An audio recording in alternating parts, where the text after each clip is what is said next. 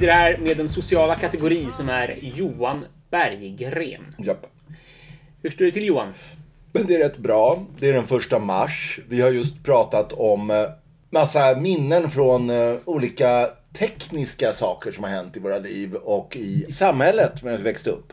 Ja. Pratade just om den, den berömda BT Kemi-skandalen i Teckomatorp i, i Skåne på 70-talet när ett kemiföretag släppte ut eh, en massa eh, gifter ner i grundvattnet och i, i en å, Braån tror jag den hette. På den tiden fanns det nästan ingen miljölagstiftning så de kom undan med det här många år och till slut ändå när de hittat hundratals tunnor med gift som de grävt ner så blev de en, domarna blev frikända eh, och ja, det var en platschef och en direktör som åtalades och då hade folk blivit sjuka och jorden var giftig och allting och så väcktes ett nytt åtal för de hittade ännu fler tunnor men då hade platschefen dött i cancer för han har hållit på med gift i hela sitt liv.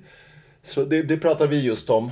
Eh, men annars är det bra, solen skiner, det är sommarvärme i första mars på 59 breddgraden. Allt är som det ska på planeten och vi ska prata om eh, teknik. Ja, för att det är ett optimistiskt år 2019. Det har vi bestämt. Vi går emot strömmen som vanligt på ordfront. Det är för sent att inte ha hopp. Precis. I åratal har vi varit mycket mindre gulliga, mycket mindre uppmärksamhets... Eh, liksom, my- mycket mindre uppmärksamhet. Men vi har varit Greta Thunberg. Vi har suttit... Klimatet är en total katastrof, snälla gör någonting nu.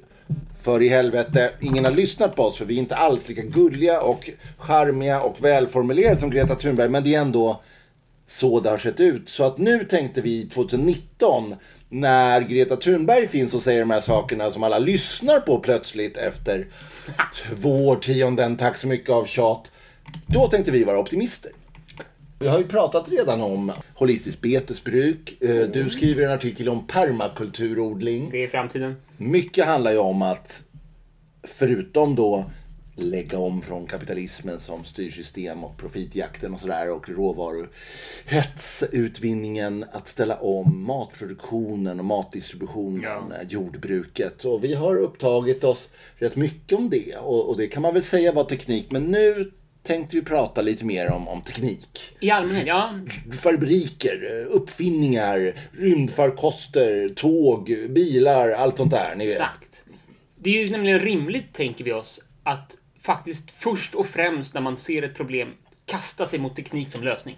Alltså i vårat samhälle, i våran tid, så har vi ju då, som då många, framförallt liberala, men, men även andra eh, debattörer framhäver, många människor har upplevt eh, en positiv utveckling tack vare diverse tekniska och samhälleliga förstås, och teknisk-samhälleliga lösningar. Ja. Ehm, bara häromdagen så av någon anledning grottade jag ner mig i, i Stockholms renhållning och sanitetssystem och inser att för 200 år sedan så, så var det här staden som vi lever i en stinkande göl av exkrement och smitta där folk inte levde särskilt länge eller framförallt så var det ju oerhört. Det fanns ingen som helst kollektiv lösning på avfalls och sanitetsproblem. Framförallt latrinerna spred kolera och sånt. Det var kul du sa. 10 meter hög. Ja, alltså på, Alltså, på, på Mälartorget i Gamla stan så var den största marknadsplatsen fanns det en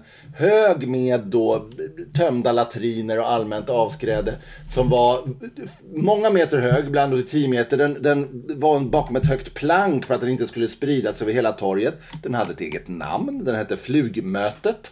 Och på vissa kartor över staden så var den utsatt. Det var som liksom ett monument över en, att man inte var liksom kapabel varken organisatoriskt eller tekniskt att, att tackla det här problemet. Men efter flera koleraepidemier så lyckades man på 1850-talet ha en, börja med en kollektiv latrinhämtning och, och renhållning och så vidare. I början av 1900-talet så kom också renhållningsverket och man, man började på olika sätt rena vatten. Man byggde bättre kloaker. Man, man kunde helt enkelt separera mat och människor från ena sidan till liksom från avföring och orenheter å andra sidan.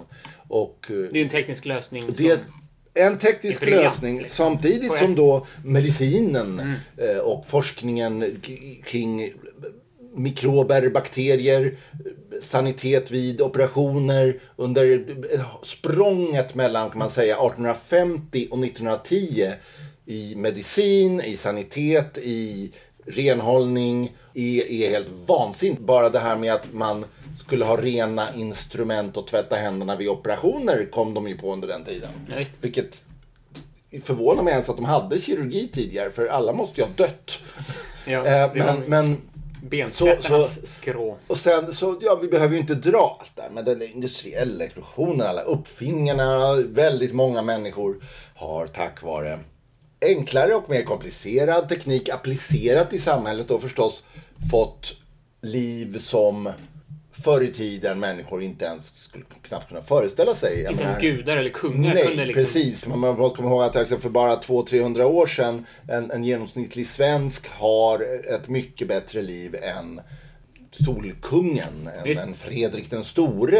När de, de blev, fick de en sjukdom så var det klippt. Och I bästa fall så hade de en flink åderlåtare som kunde snitta dem lite grann. Eller... Spanska flugor. Ja, det fanns inte mycket. Och därför så är det inte så konstigt att vi tänker oss tekniska lösningar på Nej, saker och exakt. ting. Det är exakt vår ingång här. Ja, Vi har eh, även föreställt oss att det idag samlas ett kluster politiskt kring tekniska lösningar som förutsätter också en ekonomisk gigantisk satsning. Ja. I, och den paraplybegreppet då är grön ny giv, eller green Ja. new deal. Green New Deal. Där man inte bara satsar på solkraft eller Mm. inte bara satsar på en jordbruksteknik med syntetisk biologi. Utan allt det här sitter ihop i ett paket Mm. Ja. och man satsar med statliga medel enormt i en sorts gigantisk grön tekniksatsning. Om man ska, om man ska se samhällsutvecklingar som delvis dialektiska i alla fall eh, med olika tankeströmningar som liksom sväller hit och så sväller tillbaka sitt återsvall i någon sorts hegeliansk, eller posthegeliansk idé om, om att varje rörelse föder en motrörelse och sen så blir det någon, så, så har det ju då funnits en, en högerradikal och en reaktionär politisk tanke nu som har drivits samtidigt av en väldigt eh, Ayn Rand-liberal eh, ekonomisk tanke, det vill säga staten är ond, privata företag är goda, och denna, denna håller ju på att få en återvåg. Framförallt, lustigt nog, eh, kanske då i, i USA.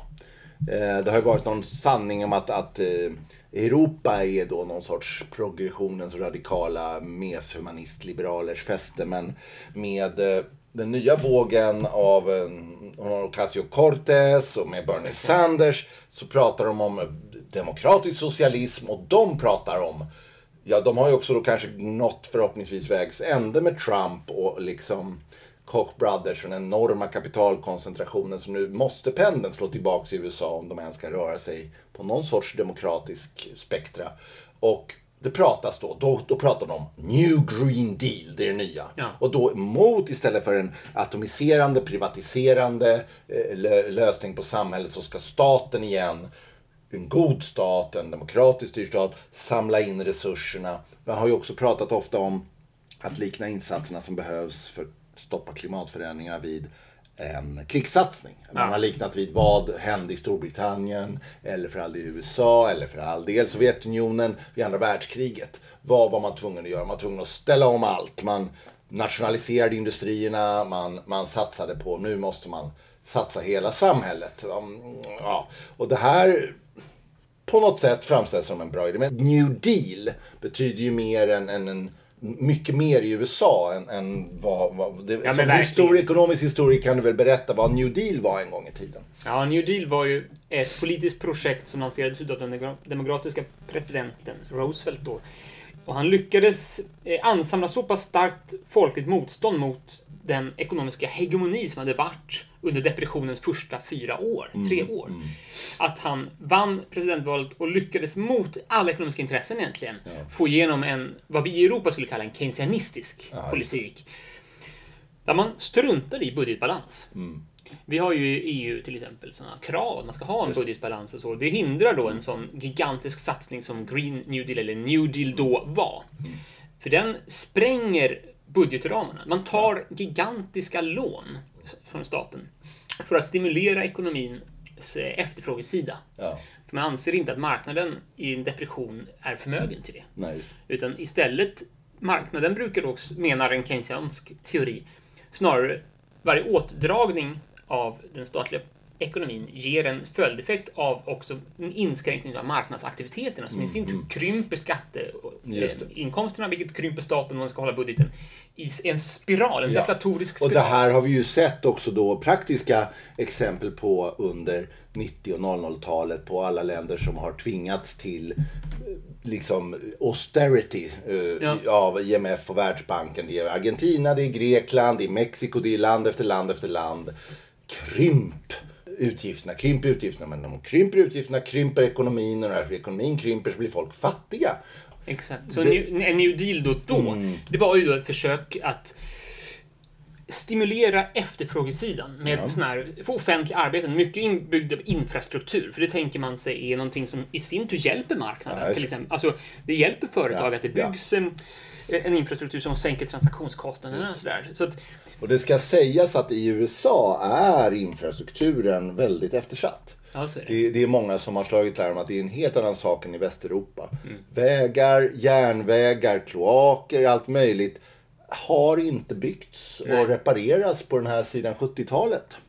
Vilket hänger samman ganska ja. mycket med att man har låtit överlåta det på en marknadsaktör som gärna inte investerar Nej. utan hellre höjer sin profit. Så, att Ja, säga. ja, så den motsättningen har ju också byggts in Mm, i och blivit en underinvestering som följd utav att man har slutat med den statliga politik som var keynesianismen. Mm, så.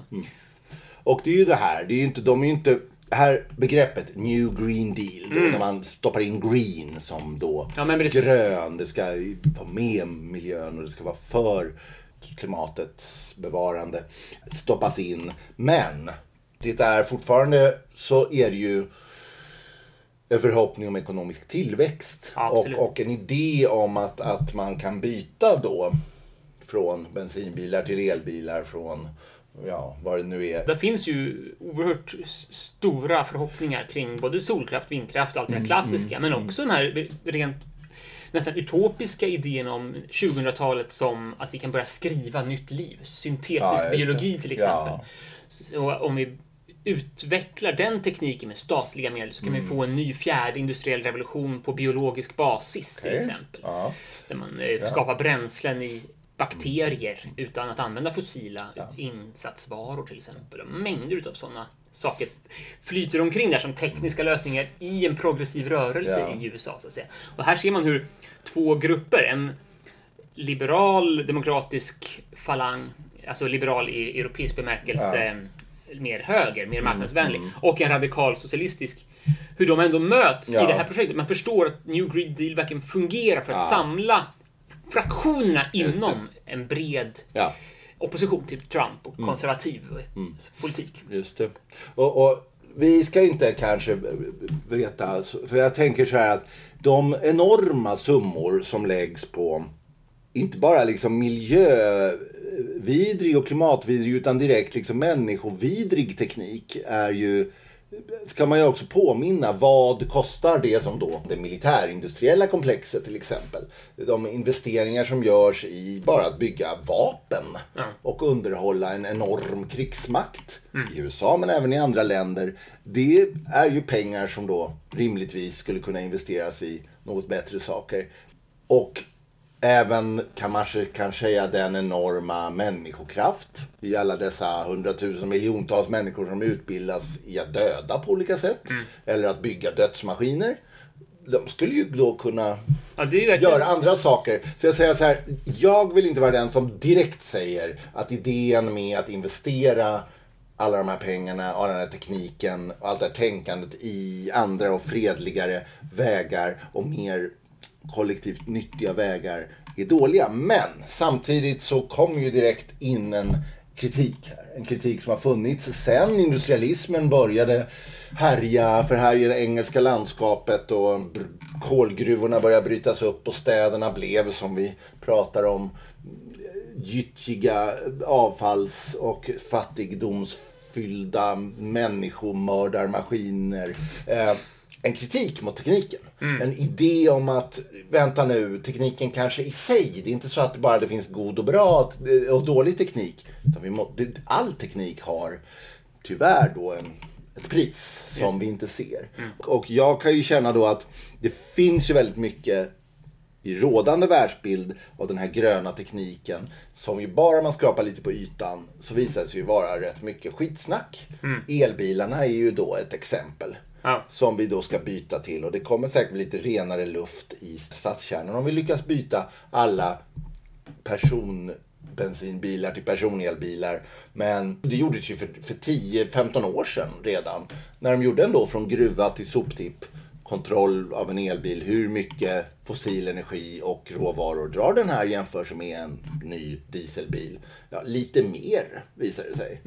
Och eh, ett annat exempel som jag nyligen då trillade på i det här härliga Ocean Cleanup. Som är en ung holländare som kom på att eh, man skulle bygga en enorm eh, apparat för att samla upp de här plasten i de enorma plastvirvlarna som då finns i Stilla havet. Som då seglare och sjömän och forskare har då visat på att den har några plastöar eller åtminstone stora liksom drivande massor av plastavfall i, i strömmarna har dragit ihop i Stilla havet och sjöfåglar och valar och fiskar fastnar i det här. Och det är naturligtvis vidrigt. Va? Och då är det fantastiskt. Han får så mycket pengar. Han, de investerar och alla liksom i Silicon Valley och Vad är Bill hans Gates. plan här? är- Ja, men de ska bygga en stort släpnätsliknande flytboysmanövrerad jättecontraption som då ska åka omkring i Stilla havet och samla upp plasten. Som ligger där. Superteknik. Ja, och det är då det är, det är samma som med koldioxidutvinning ur atmosfären. Att man liksom så här, det är slutänds tekniklösning på miljöfrågan. Behöver knappt ens skulle det här funka jättebra skulle vi knappt ens slu- behöva sluta använda plast i förpackningsindustrin därför att den går ju att samla upp. Sen då är idén att när man har samlat upp det här så kan man ju ta det då till i, i, in till land och sälja det. Det är ju bränsle eller vad du vill, göra ny plast av det. Eller. Och han har fått enorma investeringar där företaget har då försökt att bygga den här och han är väl 22 år. Han har inte ens en, en, en formell teknisk utbildning men han håller TED-talks och ja, pengarna flyter in och, och, och, och de gjorde en modell och satt ut i Nordsjön. Den blåste sönder ganska snabbt. De hade hällt ut en massa så här flytande majs för att de ville inte hälla ut plast och testa med för det hade blivit lite kontra. Men den blåste ju sönder och de bara, ah, men Nordsjön det är så krabbsjö och blåsigt. Men inte alls som på Stilla havet som är ju lugn och, och, och här om året så hade de ju då sin enorma prototyp. Den sjösatt San Francisco. Varenda jävla miljöorganisation var där. Jättemycket miljardärer som vill vara så här gröna. Förpackningsindustrimiljardärer ska tilläggas investera i det här. Därför att funkar det behöver de ju inte sluta med sin kassakossa att linda in precis allt vi köper i sju lager plast. Och ta ännu mer betalt för. Jag menar, det är en genial idé. Du har en majskolv. Den kan du köpa från odlaren för fem öre. Slå in den i plast, sätt en glad gubbe på plasten. Du kan sälja den för fem spänn i affären. Mellanskillnaden tar du. Att det skulle vara problemet vill de inte prata om. För att om vi då kan samla upp den här plasten när den ligger där och flyter i havet med den här grejen så Eh, det ger ju dessutom ett arbetstillfälle. De skeppar ut den här grejen i Stilla havet. Den funkar förstås inte alls. Den går sönder. De drar in den igen. Och, och det är så här då efter x antal år nu med den här Ocean Cleanup och, och nya prototyper och så, så har de exakt fångat in ingen plast i haven. Och miljöorganisationer och forskare säger det att ja, men det är ungefär bara högst 5% av plasten i världshavet som flyter omkring i de där stora virvlarna. Resten ligger på stränderna, sjunker till botten eller delas upp i mikroplast som du inte alls kan fånga upp på det plats. Det var en miljöaktivist i Filippinerna som har i dussinet städer i Filippinerna gjort en väldigt low-tech lösning med att, att fattiga anställs för en liten slant för att sortera ut plast ur soporna helt enkelt. Och samlar upp och då kan man bränna det och ta hand om det. Och de har ju då utvinnit under, under samma period som Ocean Cleanup har blivit utan investeringar nästan. De har liksom, ingen bryr sig om dem. Några liksom töntiga fattiglappar som plockar plast. Vem bryr sig? Det är inget kul. Och han påpekar, hade jag fått de här investeringarna så hade jag kunnat ha avancerade liksom plastsorteringsstationer i, i liksom hundratalet städer i hela Sydostasien Jag hade kunnat få ner utsläppen av plast med 30-40 procent i hela Asien. Ingen bryr sig, Bill Gates bryr sig, ingen bryr sig. Utan det är liksom den här killen med Converse och med flygigt hår som håller TED-talks och 22 och fick en dröm när han var på charterturné. Så att det här är liksom vad grön teknik kan vara också. En jävla snuttefilt som tillåter oss att fortsätta att grisa ner planeten och, och överanvända råvarorna. Så däremellan, mellan penicillinet och Ocean Cleanup, så måste vi hitta rätt väg, hitta rätt teknik, tänker du? Jag vet inte om det är så enkelt. Mm. Finns det, alltså jag skulle ställa frågan så här. Det är uppenbart att det finns tekniska lösningar och uppfinningar som har underlättat för människorna. Det är också uppenbart att det finns väldigt mycket tekniska lösningar och uppfinningar som bara har gjort elände för människorna. Jag menar atombomben egentligen, hur mycket bra har den fört med sig? Eller, eller maskingeväret liksom. Men, finns det en ren sanning här?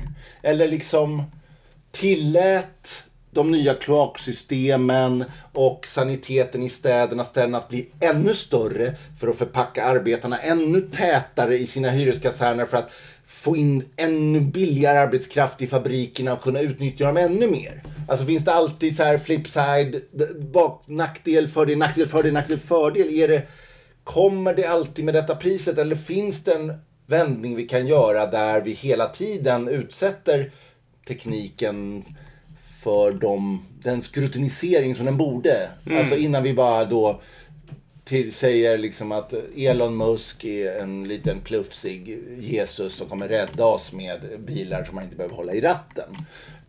Vad säger du? Ja, jag tänker ju genast på att teknik är en social kategori och det är det vi ska prata om i nästa del av det här samtalet. Nu börjar vi komma in på något. Vi måste förstå tekniken, inte som någon sorts trillat ner från gudarna grej eller som en Elon Musk har dragit ur röven i ett genialiskt ögonblick. Utan någonting som skapas av människor och ett... av mänskliga samhällen. Precis. Själv är jag ju en teknikfantast när det kommer till cyklar till exempel. Mm. Cykeln som, som teknisk lösning är, det kanske är den mest energieffektiva lösning som har gjorts. Mm. Med ganska svaga insatsvaror, ganska ja, om man, ja, så kan du med trampning komma oerhört långt. Det skapade en emancipation av kvinnor under sent 1800-tal mm. som var helt enorm. Ja. Liksom, och landsbygden kunde utan fossila energiinsatser ja. nästan få en helt ny mobilitet bland arbetarbefolkningen. Ja. Så det, jag menar bara att men det går säkert att hitta en negativ aspekt utav cykeln. Men det finns också någonting radikalt annorlunda mellan cykeln som teknik med för och nackdelar och maskingevärets ja. för och nackdelar. Ja. Och att man förutom att kategorisera teknik som alltid en del av ett samhälles mm. problem, att det alltid är en följd av hur det används i kapitalismen så finns det, tror jag, också någonting nyttigt att se bortom det och tänka ja. att tekniker faktiskt också har någon mm. typ av realeffekt, någon objektivitet. Ja. Men det är väldigt, väldigt svårt att balansera ja. och det är där man vill luska för att förstå mm. en Green New Deal och vart den är på väg. Just det. Ja, eh, men eh, det var väl ett bra... Nu, nästa avsnitt kan vi avslöja ska vi ringa professorn i humanekologi, Alf Hornborg, som eh, har en mycket skeptisk och analytisk syn på det som kallas grön teknik. Vi kommer eh, ge oss på några pressgrannar och eh, vi kommer att eh, göra ett samtal med Alf Hornborg som kommer ge en klickbar rubrik helt enkelt.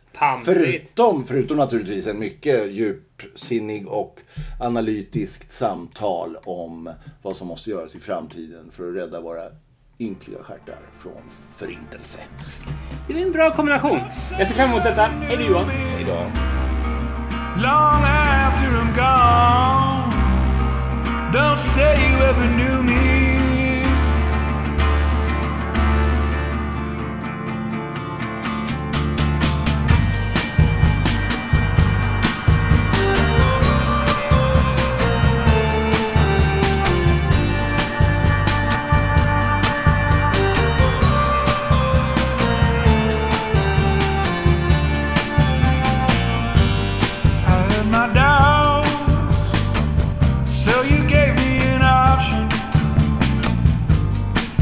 what's in front of you